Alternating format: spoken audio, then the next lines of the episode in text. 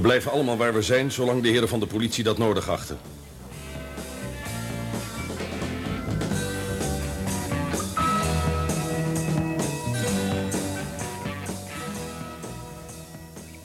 Die regisseurs zagen er allemaal zo echt uit dat ze voor een film nooit te gebruiken zouden zijn. Ze stonden om de roerloze gestalte van Serkov heen en om de schijnwerper die hem verpletterd had. De commissaris knielde weer voor de schijnwerper. Het was een van de grootste die we in de studio hadden. Hij werd alleen gebruikt als er een, eh, een stralende zon nodig was. Maar in mijn draaiboek was er voor deze scène van stralende zon helemaal geen sprake geweest. En daarom had die schijnwerper nutteloos hoog boven Serkovs hoofd gehangen. Niemand had hem nodig gehad. Niemand had erop gelet. Ja, niemand. In elk geval niet degene die ervoor moest zorgen, maar... Maar verder... Valt zo'n schijnwerper vanzelf naar beneden? Een ongeluk of... Maar wie? Wie zou Serkov naar het leven hebben gestaan? Juist hem. Hij was toevallig in de studio. Verder, directeuren hebben gewoonlijk wel wat anders aan hun hoofd dan naar opname te komen kijken. En als het opzet geweest zou zijn... dan moest iemand van tevoren geweten hebben dat Serkov... tijdens de eerste draaidag in de studio aanwezig zou zijn. Iemand, ja, bijvoorbeeld de man van vannacht... toen ik me zo uh, heldhaftig had gedragen. Man die een waandenkbeeld was, maar misschien toch... Maar, ja, aan de andere kant... Serkov was in de regiestoel gaan zitten... waaruit Reinhold enkele seconden van tevoren was opgestaan. Maar dat had niemand van tevoren kunnen berekenen. Zou het dus voor Reinhold bedoeld kunnen, zijn geweest? Of was het werkelijk een ongeluk? De politie zou de handen vol hebben. De commissaris ging staan. Hij zag eruit als een, uh, een indiaan met glad zwart haar. Hij maakte een hele vriendelijke indruk. Scheen hem een beetje plezier te doen de mensen die hem zoveel slechte films hadden voorgeschoteld een beetje bang te maken. Zijn koolzwarte ogen doorboorden onze ongelukkige eerste belichter. En? Ik begrijp het niet. Ik begrijp daar helemaal niks van. Ik zit al 22 jaar in het vak commissaris. Al 22 jaar. Dat kan niet waar zijn. Wat? Dat ding was niet vastgeschroefd. Helemaal niet vastgeschroefd. Zat aan één kant een beetje vast. Die moest wel naar beneden komen als je, als je er alleen maar naar keek. Wie is er verantwoordelijk voor? Nou, ik natuurlijk. En Guus daar, boven, op de brug. Ik heb de schijnwerper vorige week nog gecontroleerd, eh, commissaris. Hij zat zo vast als een huis. Heb je hem vanmorgen nog gecontroleerd? Nee. En u? Nee, commissaris. Als die dingen eenmaal vastzitten, dan zitten ze ook vast. En als er een versteld wordt, dan wordt hij weer vastgemaakt. De anderen zitten toch ook allemaal vast? De anderen zitten ook nog op hun plaats. Ja, ja er moet iemand aangezeten hebben, commissaris. Anders is het onmogelijk. Ik ben het niet geweest en Guus ook niet. Waar lopen de kabels naartoe? Naar de transformator. Daar boven aan de andere kant van de decor lopen ze naar beneden en dan over de vloer. Langzaam liep de commissaris door de zwijgende mensen dwars door de studioruimte. Zoals Reinhold, die daardoor aan de dood was ontsnapt. Ik valde met mijn ogen. Hij liep langs ons heen en verdween door de open deur naar het aangrenzende vertrek. Zijn langzame voetstappen klonken als die van een wacht voor een celdeur, ja. Ook Reinhold keek hem na. Zijn gezicht was asgrauw. De commissaris kwam terug. Zijn ogen gingen de kring rond. Niemand werd overgeslagen. En toen vroeg hij vriendelijk en bijna ongeïnteresseerd... Was iemand van u hier in de buurt toen de schijnwerper naar beneden viel? Niemand gaf antwoord. Ze waren allemaal net zo stil als Serkov, die daar aan de overkant lag. Iedereen wist wat de commissaris dacht. Een hand had in het aangrenzende vertrek aan de kabel getrokken... waaraan de schijnwerper hing. Een kleine ruk en verder niks. Heeft een van u iemand in dit vertrek gezien? Ze schudden hun hoofd, de een na de ander. Ook ik. Ja, natuurlijk, iedereen had naar de scène gekeken. En niemand was op het idee gekomen dat in het aangrenzende vertrek... in het donker iemand aan een kabel zou trekken. Dit was een plan van de duivel in hoogsteigen persoon. Het spijt me, dames en heren, maar ik zal u hier allemaal nog een tijdje moeten vasthouden. Maar ik heb gehoord dat er in uw branche vaak overuren worden gemaakt. We kregen instructies ons in onze kantoren en kleedkamers beschikbaar te houden. Voor een verhoor. We mochten niet naar de kantine, mochten ook niet opbellen. Ja, wat iemand moest doen die eh, bijvoorbeeld diarree had, werd helemaal niet gezegd. En ik dacht aan Serkov. Ik had meelijden met hem. Ja, hij had er net zo van het leven gehouden als wij allemaal. En ik dacht aan de afgelopen nacht aan de man in de studio. Zou ik dat nou vertellen? Nou, misschien zou dat nog een grotere fout zijn dan het feit dat ik me verstopt had. Ik was immers de hele nacht hier geweest. Zou we kunnen denken dat ik op deze manier... die losgeschroefde schijnwerper alleen maar iemand anders in de schoenen wilde schuiven? Ha, ha, ha. Ach, god, een goedkope truc. Daar kon er alleen maar een scenario-schrijver op komen. Tegen half zes kwam de commissaris binnen. Mijn naam is Nogees, met twee E's. Laat u zich door mij niet van uw werk houden. Oh, dat hindert niks. Ik werk vaak s'nachts. Gaat u zitten. Mijn naam is Stroebel. U weet wat ik allemaal vragen moet? Ja, binnen drie minuten zult u mijn stamboom kennen. Mijn beroep, waar en wanneer ik ben gedoopt en ingeënt... met welke vriendin ik op dit moment samenwoon... en hoeveel draaiboeken ik geschreven heb. Inderdaad. De man die al die tijd al dood was, dat herinner ik me nog. Sympathiek, zoals u daar de detective afgeschilderd hebt. Het is toch wel erg, hè, als de politie ook al onwaarheden begint te verkopen. Had u wel eens ruzie met meneer Serkov? Oh ja, constant. Maar we hebben het steeds weer goed gemaakt. We zitten hier elkaar vaak in de haar en eh, daarna ga je me samen een borreltje drinken. Ja, net zoals bij ons. Alleen dan zonder borreltje. U was vannacht hier? Eh, ik, eh... Hebt u op de een of andere manier iets gemerkt? Ik bedoel, iets ongewoons? eh, nee. Nee, nee, niks. Nee, nee. Ik heb gewerkt. Ik ben daarna gaan slapen. Oh, heel verstandig. Had er verder nog wel eens iemand ruzie met Serkov? Natuurlijk, dat zei ik u er immers al. Meneer Kirschbaum, vanwege de financiering. Dan de regisseur vanwege het draaiboek eh, en de cast. De cast? Ja, ach, weet u, er wordt in filmkringen nogal eh, heftig over gevochten. Hè, maar het eh, komt wel eens voor dat iemand bijvoorbeeld een dame, hè, die, die, die, Die dan... een groot talent vindt? precies, ja. Op welk gebied doet er nou niet toe? Jawel, maar daarom wordt dan niemand om zeep gebracht. Hè? Dan zou ook het personeelstekort te groot worden. Gelooft u dan dat hij vermoord werd? Eh, nee. Nee, maar omdat u naar ruzies vroeg... van de ruzie valt er geen schijnwerper naar beneden. Hij was netjes losgeschroefd. Ja, luister, geen kwaad woord over onze belichters, hoor... maar het is niet de eerste schijnwerper die eh, naar beneden komt. Daarom zijn de mensen die eronder staan ook verzekerd, begrijpt u wel? Natuurlijk. Misschien was het echt een vergissing. Een vergissing? Nee, ik bedoelde... Hij kwam terecht op de stoel van meneer Reinhold... waar hij een minuut tevoren nog ingezeten had. Maar dat kon de schijnwerper natuurlijk niet weten. U zult wel honger hebben, meneer Troebo. U hoort nog van me als ik u nodig mocht hebben. U moet nog even bij meneer Reinhold komen. Hij wacht op u in zijn kantoor. Tot ziens. Ja, hartelijk dank. Tot ziens.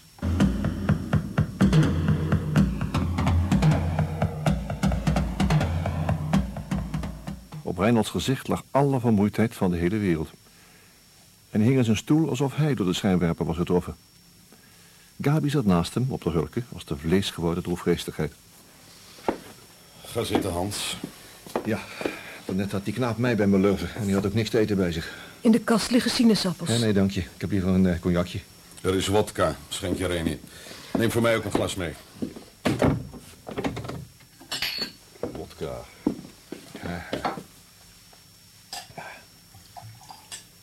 Alsjeblieft. Dank je. Nou, op Serkov. Ja, op Serkov. Wat doen we nou? Vandaag niets meer. Morgen houden we een pauze.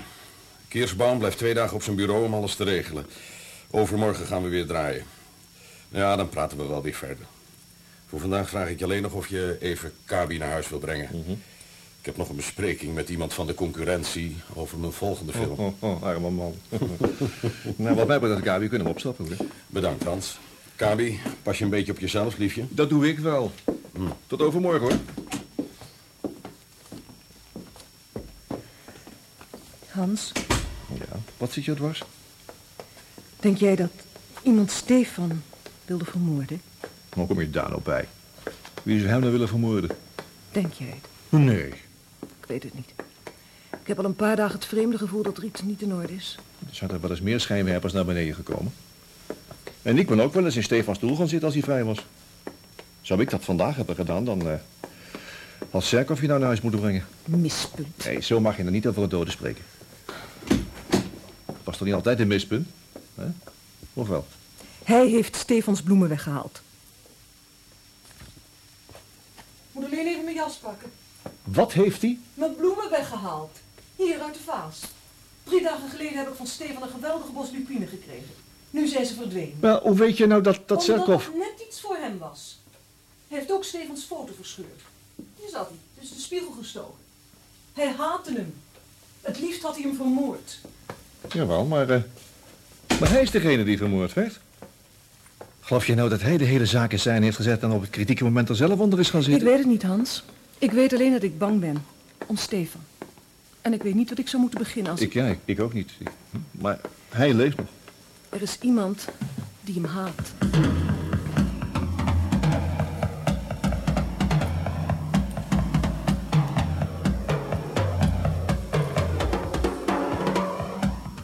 Ik was blij toen ik Kapi thuis had afgezet. Ik had er mijn buik van vol. Nou, ik verlangde naar Els en naar de lieve scheldpartijen. Weet u, Els is het tegenovergestelde van mijn ideale vrouw... die ik tijdens mijn lange verblijf in de filmbusiness had geschapen. Blond, niet donker. Blauwe ogen, en geen groene. Niet het gezicht van Liz Taylor, maar dat van een, van een frisse boerendochter. En tegen de benen had ik weliswaar geen enkel bezwaar aangetekend. Voldeed aan al mijn eisen en aan die van de film zeker. De kleur van haar haar vergaf ik haar omdat het zo, eh, zo echt was als de kleur van een korenveld in de Oekraïne. En omdat de kapsel weinig verzorging nodig had. En overeenkomstig goedkoop was. Aan kleren en cosmetica gaf ze in één jaar tijd een kwart uit van het bedrag dat ik vroeger eens voor een, voor een weinig begaafd stelletje moest neertellen. Maar goed, daarvoor in de plaats hield ze mijn flat ook drie keer zo schoon. En ze reed me wagen met een eeuwige gelijkmatigheid naar huis... als ik in eh, de een of andere kroeg verzeild was geraakt... en weer te weinig bloed in mijn alcohol had. Maar boven alles, ze had niets, maar dan ook niets met de film te maken. Ik ging mijn flat binnen, maar niemand vloog me jubelend tegemoet. Ik liep de keuken in, ik haalde een flesje bier uit de ijskast. Ik bekeek de dure eieren die Els gekocht had... en liep toen via de zitkamer naar mijn slaapvertrek. Ja, Els lag in mijn bed, gehuld in een van mijn pyjama's... voorzien van mijn fles whisky en lezend in een van mijn detectives. Wat ben jij een vrijbuiter, Hans Troebel? Waar kom je vandaan? Heeft haar de koninklijke hoogheid misschien nog verder vragen of wensen? Mag ik misschien uw voetzone met platina bekleden? Maar waarom moet je nou toch die dure eieren kopen? De grootste die er bestaan. De kleintjes zijn zeker niet goed genoeg voor mevrouw. Jij denkt natuurlijk dat ik een boompje heb waar je aan schudden kan, hè? Wacht eens even, jij. Ze sprong op als een judoka en zette de handen in de zij. Maar ja, alleen die eh, boze blik lukt dat niet erg. Hans Troebel, je bent niet alleen een vrijbuiter, maar bovendien ook nog een verdomde gierigaard. Als ze me uitschold, zei ze altijd mijn achternaam erbij. Die duiveneitjes mag je zelf eten. Als je meer verdient, hoeven we niet elke cent om te draaien. Je bent lui, zo. En dat eh, zo betekende dat ze de eerste vijf minuten niet van plan was van deze mening af te stappen. Ik gaf geen antwoord. Ik ging op de rand van het bed zitten, dronk haar glas leeg. En nu merkte ze dat er iets met me aan de hand was. Is er iets? Ja. Sarkov is dood. Serkov?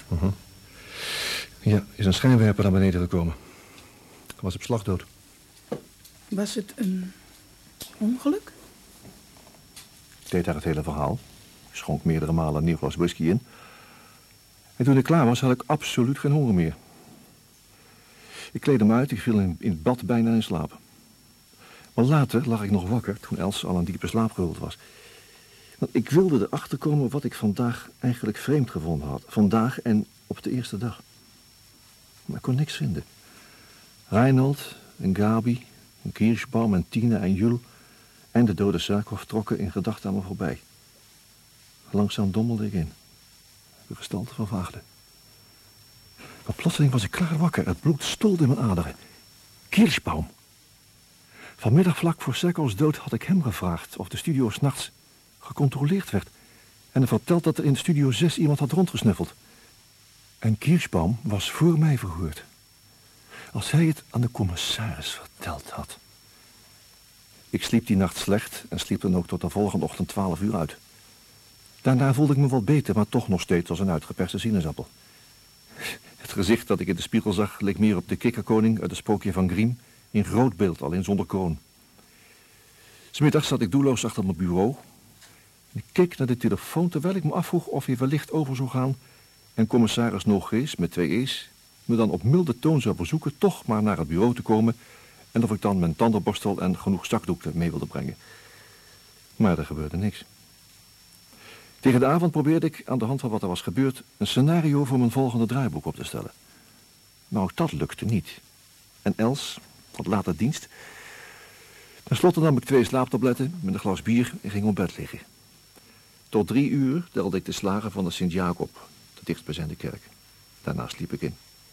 En de volgende ochtend was ik zo triest als een geharponeerde walvis. Een kop sterke thee dreef mijn polsslag wat op, maar de traan in mijn hersens bleef. Tegen één uur reed ik naar de studio. In de kantine zat een heer met vrij lang donker haar en een paar enorme flaporen. Hm, Jules. Ik ging bij hem zitten. Een ellendige zaak, hè? Ja, zo zou je het wel kunnen noemen. Was de commissaris aardig tegen je?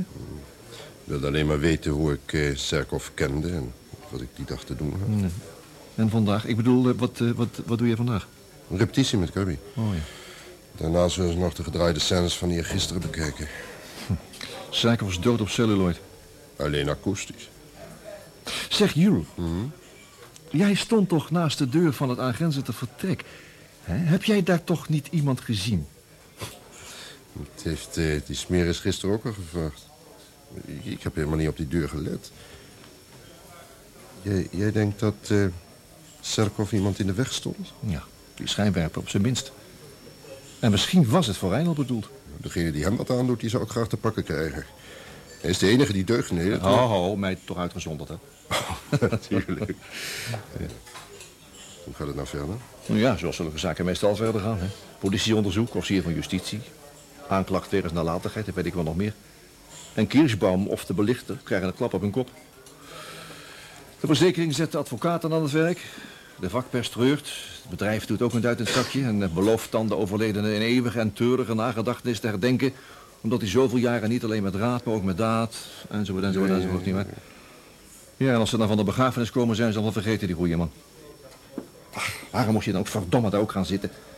Kan niet blijven staan waar hij stond. Tja, waarom is die gaan zitten? En waarom uitgerekend op dat moment? Ja, ik ben bang dat onze commissaris het niet gauw op zal geven. Daar ziet hij tenminste niet naar uit. Hoofdzaak is dat hij de schuldige vindt. Als er iemand te vinden valt.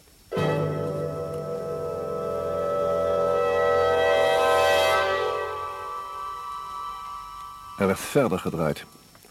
Reinhold zag eruit alsof hij twee dagen niet geslapen had. Zijn aanwijzingen tijdens de laatste scène waren gering en zonder bezieling. En ik kwam net op tijd om hem een vuurtje te geven. Nog bedankt dat je Kabi toen naar huis hebt gebracht. Ik eh, moet jou bedanken dat jij me er meegegeven hebt. Nee. is, eh, is Kiersbaum al terug? Hmm, kan ieder ogenblik komen. Oh, dus vandaag nog. Ik wacht ook op hem. Er zit tussen haakjes. eh, Els wilde vandaag hier een kijkje komen nemen. Is dat goed? Tuurlijk. Waar is dat lieve kind? Ze komt zo gauw ze klaar is met haar werk. Nou, maak dan dat je wegkomt en haal haar bij de portier af. Zeg, en eh, krijgen we vandaag nog de rusjes gezien van twee dagen geleden? Nou, als we klaarkomen. Misschien morgen pas. Kiersboom wil er ook bij zijn. Nou, ga jij nog gauw je Elsje halen. Hm? Ik ging weg. Ze stond er bij de portier te wachten en een paar minuten later zat ze naast me op een kist in de studio 6 en siste me constant in mijn oor. Moet je eens zien hoe ze naar je kijkt. Daar heb je vast ook wat mee gehad. Biechtings op, Hans Troubeau. Oh, dat was al de vierde met wie ik iets gehad zou moeten hebben sinds Els zich eh, op het terrein bevond. Maar ik was te zwak om mijn hoofd te schudden. Stilte alstublieft. Stilte, alstublieft. Dames en heren. Ik wierp Els een blik vol leedvermaak toe. Langzaam verstonden de geluiden. Als iedereen stil is, kunnen we beginnen.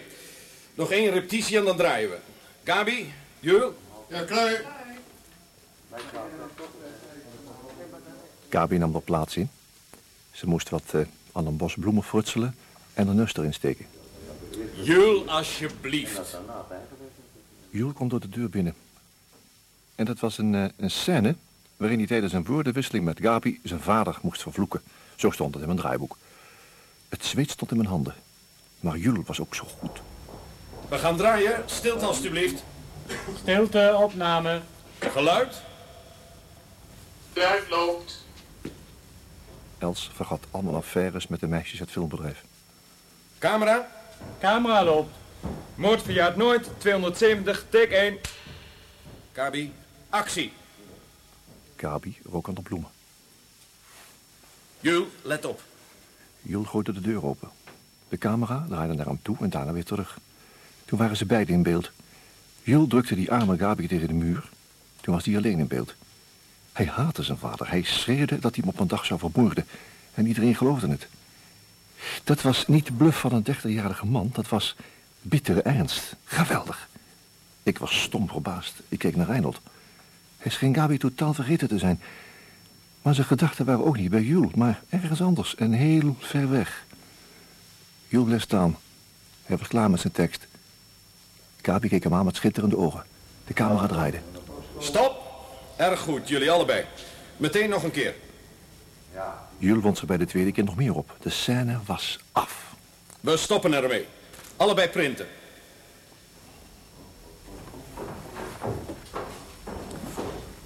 Het was net alsof... alsof je zijn vader echt haat. Ja, ze moeten er ook uitzien. Wat komt er nu? Nou, misschien gaan we nog eventjes de rushes van eergisteren bekijken. Nou, vandaag niet meer. Het wordt me te laat. En daarbij is Kirschbaum er ook nog niet. Nou, dat gaan we, gaan we zoet naar huis. Doe dat. En slaap maar eens lekker uit. Maar Jules dwarsboomde onze plannen.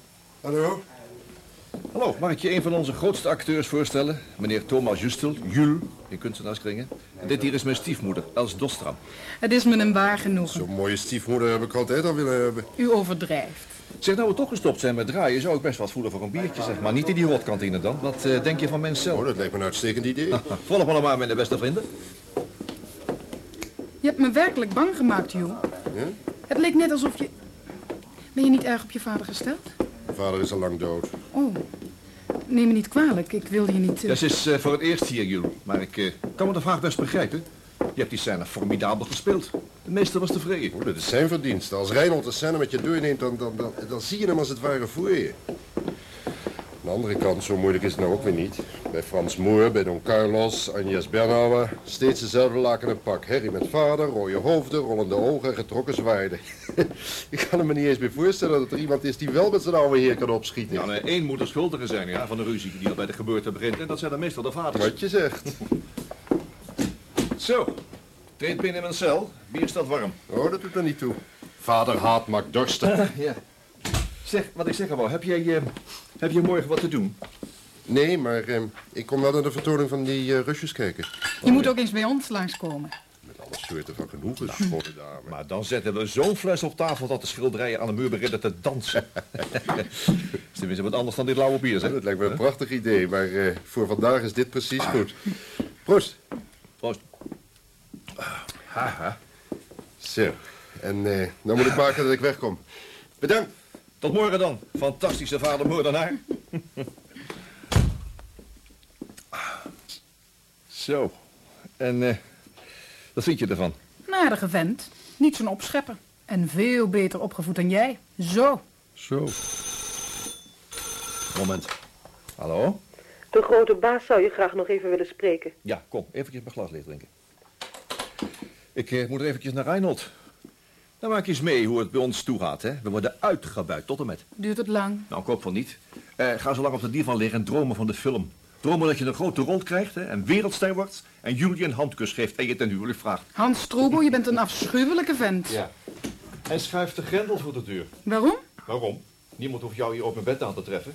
En als iemand naar binnen wil, bel je mij eventjes bij Reinhold. Toestel 211, ja? Waarvoor dient al die onzin? Geen vragen, alleen gehoorzamen.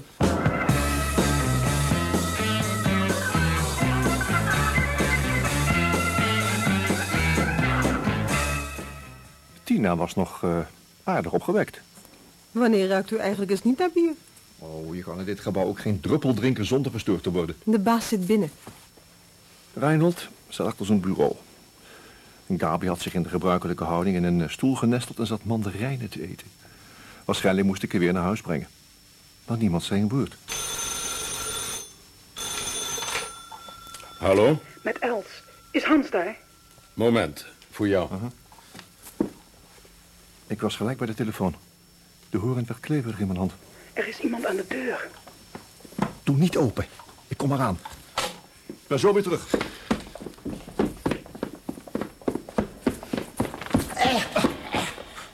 Waarom ren jij hier als een mishogaas rond? Waar zat je? En wie zit er in jouw kamer? Nathan, jij? Ja, ja, ja, ik, ik. Nathan Kirschboom, je broodheer, wie anders? Ja, maar luister eens, ik, ik, ik dacht, ik Je dacht... dacht, je dacht, wat dacht Ja, je? luister, het spijt me, Nathan. Ik wist niet dat... Els belde me. Huh? Zij zit in mijn kamer. Ik heb tegen haar gezegd dat ze niemand mag binnenlaten. Je kan nooit weten wie er hier rondloopt. Door, door wat er vannacht gebeurd is? Ja, inderdaad. Ik, eh, ik moet met je praten. Direct, één seconde. Els, Wie was dat? Kirschbaum, wil eventjes met me praten. Doe nou braaf de deur weer dicht, dan kom je dadelijk halen, ja? Dadelijk? Dadelijk. Kom mee. Kom mee naar Stefan. Ik moet met jullie allebei praten. Hij zit sowieso al op me te wachten. Kom net bij hem vandaan. Zeg, ik... eh, ik vroeg me eergisteren of de, de studio's wel eens eh, gecontroleerd werden. dat vroeg? Ja, ja. He- heb, jij, heb jij de commissaris er iets over gezegd? Nee. Oh, oh dat is erg verstandig, Johannes. Erg verstandig. Ik, ik heb er ook niks over gezegd. Ik, eh, ik heb er de hele tijd over ingezeten of, of jij er misschien wel wat over gezegd wil hebben, hè? Het wekt alleen maar opschuddingen. De, de politie zou er on- onnodig iets, iets achter kunnen zoeken, hè? Ach, wel nee, het is een van de nachtwakers geweest, anders niks. Ik heb erover ingezeten dat jij misschien iets gezegd zou hebben. Ik? Ja, jij. Ik? Wat, zou, wat, wat zou ik dan moeten zeggen? Nee, het, het was een ongeluk. Het was een ongeluk, anders niks. Ach, die arme Serkov. Hij nou zou nog zoveel geld hebben kunnen verdienen. Ach, die vervloekte idioten van de belichting ook. Maar, maar alles zal nageplozen worden. Ook al vertellen wij niks.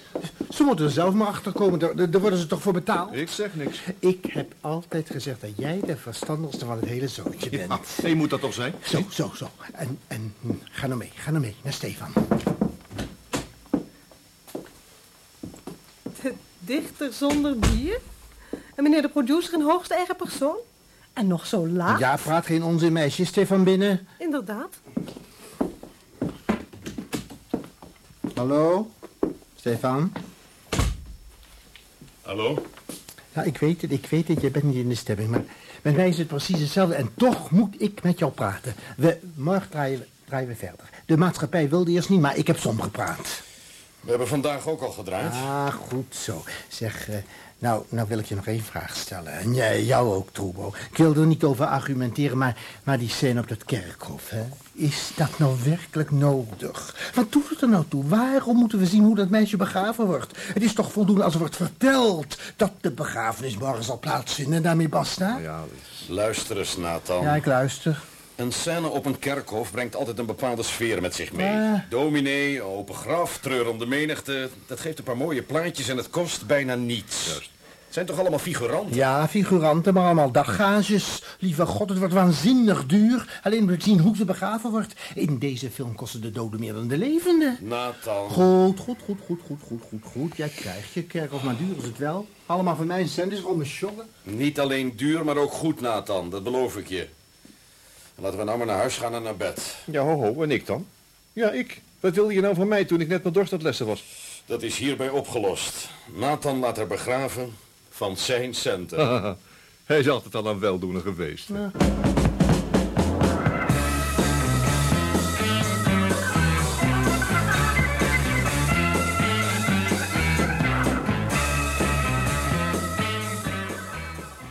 De volgende avond was ik al om half zes in de studio. De filmzaal ligt tussen de kantoren en de kleedkamers in. De gang loopt er in een vierkant omheen, zodat de filmzaal als een apart blok tussen de ruimte ligt. Van de achterste gang loopt dan een trap naar boven naar de projectiecabine. Ook is er op elke gang een deur die naar de toeschouwersruimte voert. Op de voorwand, waar dan het filmdoek hangt, komt geen deur uit. Binnen is het erg gezellig. Brede plusje klapstoelen die je in een eh, normale bioscoop hoogstens in de loge voor veel geld kunt krijgen. Je kan je benen verder uitstrekken dan in de badkuip van een filmster. En dan heb je nog houten wanden en een tapijt waar je tot je enkels in wegzakt.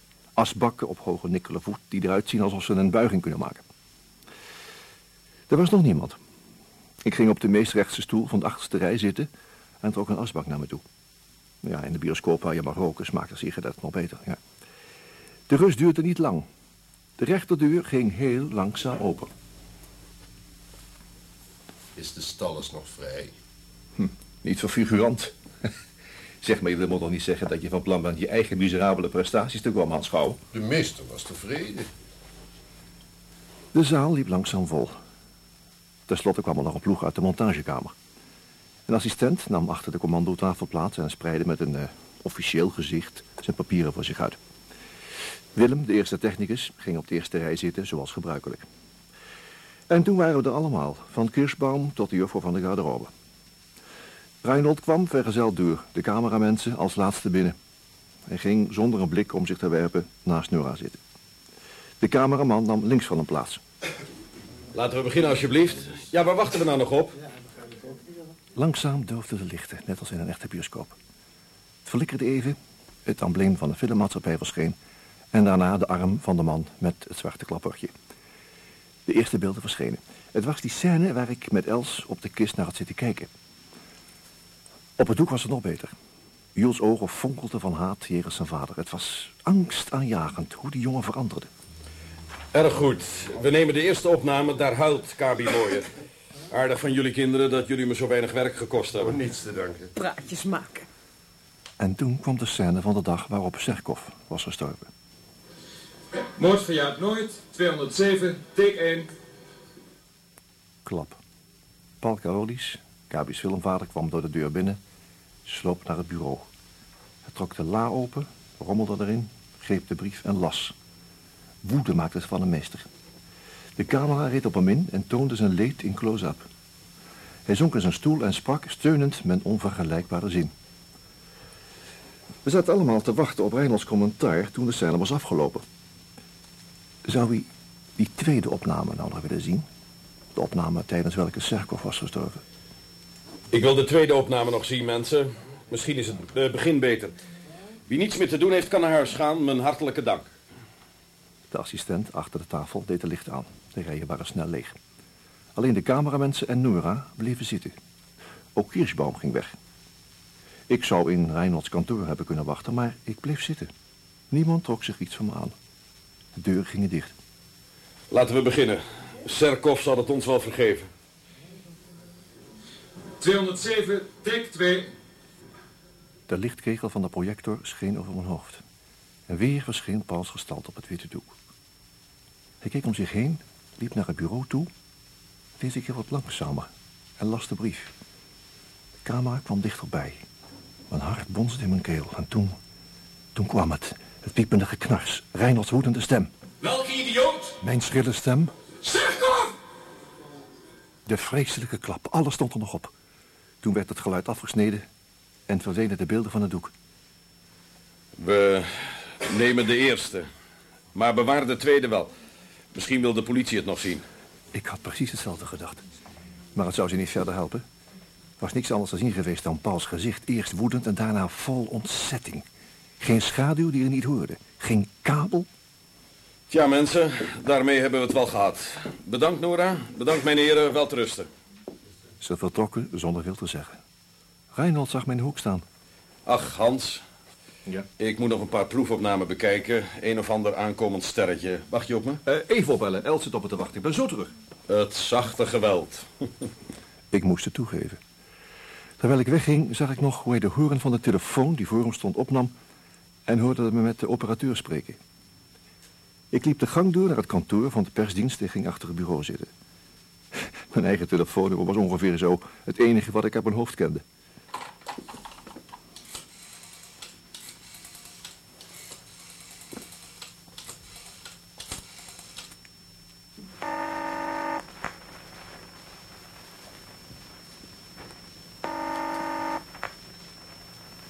Met het huis van meneer Troebel.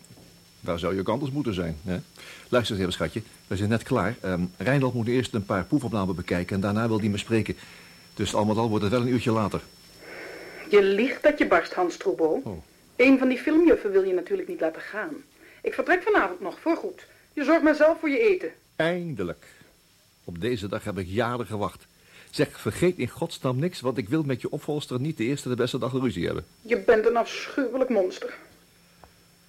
Je laat me altijd alleen. Ach, jij overdrijft altijd alles zo mateloos.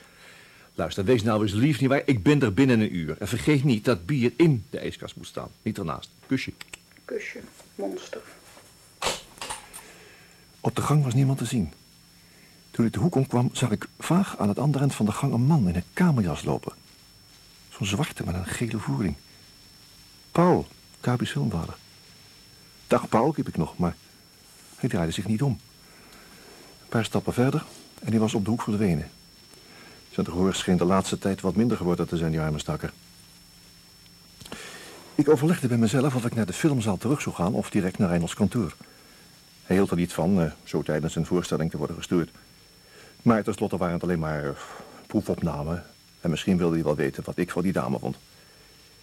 Ik wurmde me snel door de deur en bleef staan totdat mijn ogen weer aan de duisternis waren gewend. Die proefopname liep. Reinhold zat op zijn oude plekje op de eerste rij. Iets, iets opzij geleund. En verder was er niemand in de zaal. Dat meisje op het witte doek scheen een begenadigde kruk te zijn.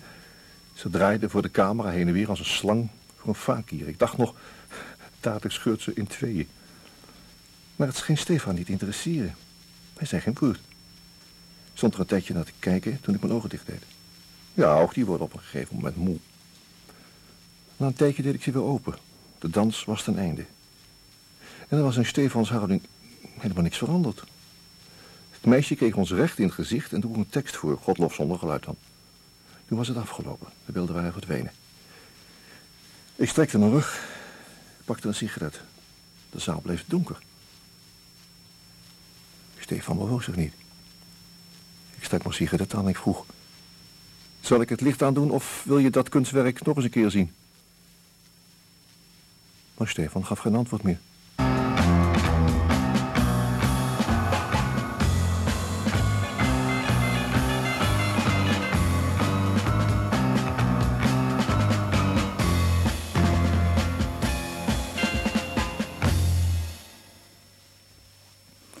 Dit was het tweede deel van de vijfdelige hoorspelserie Ga zitten en sterf, naar de roman van Hans Groel, bewerkt door Hans Georg Bertolt, vertaling Justine van Maren.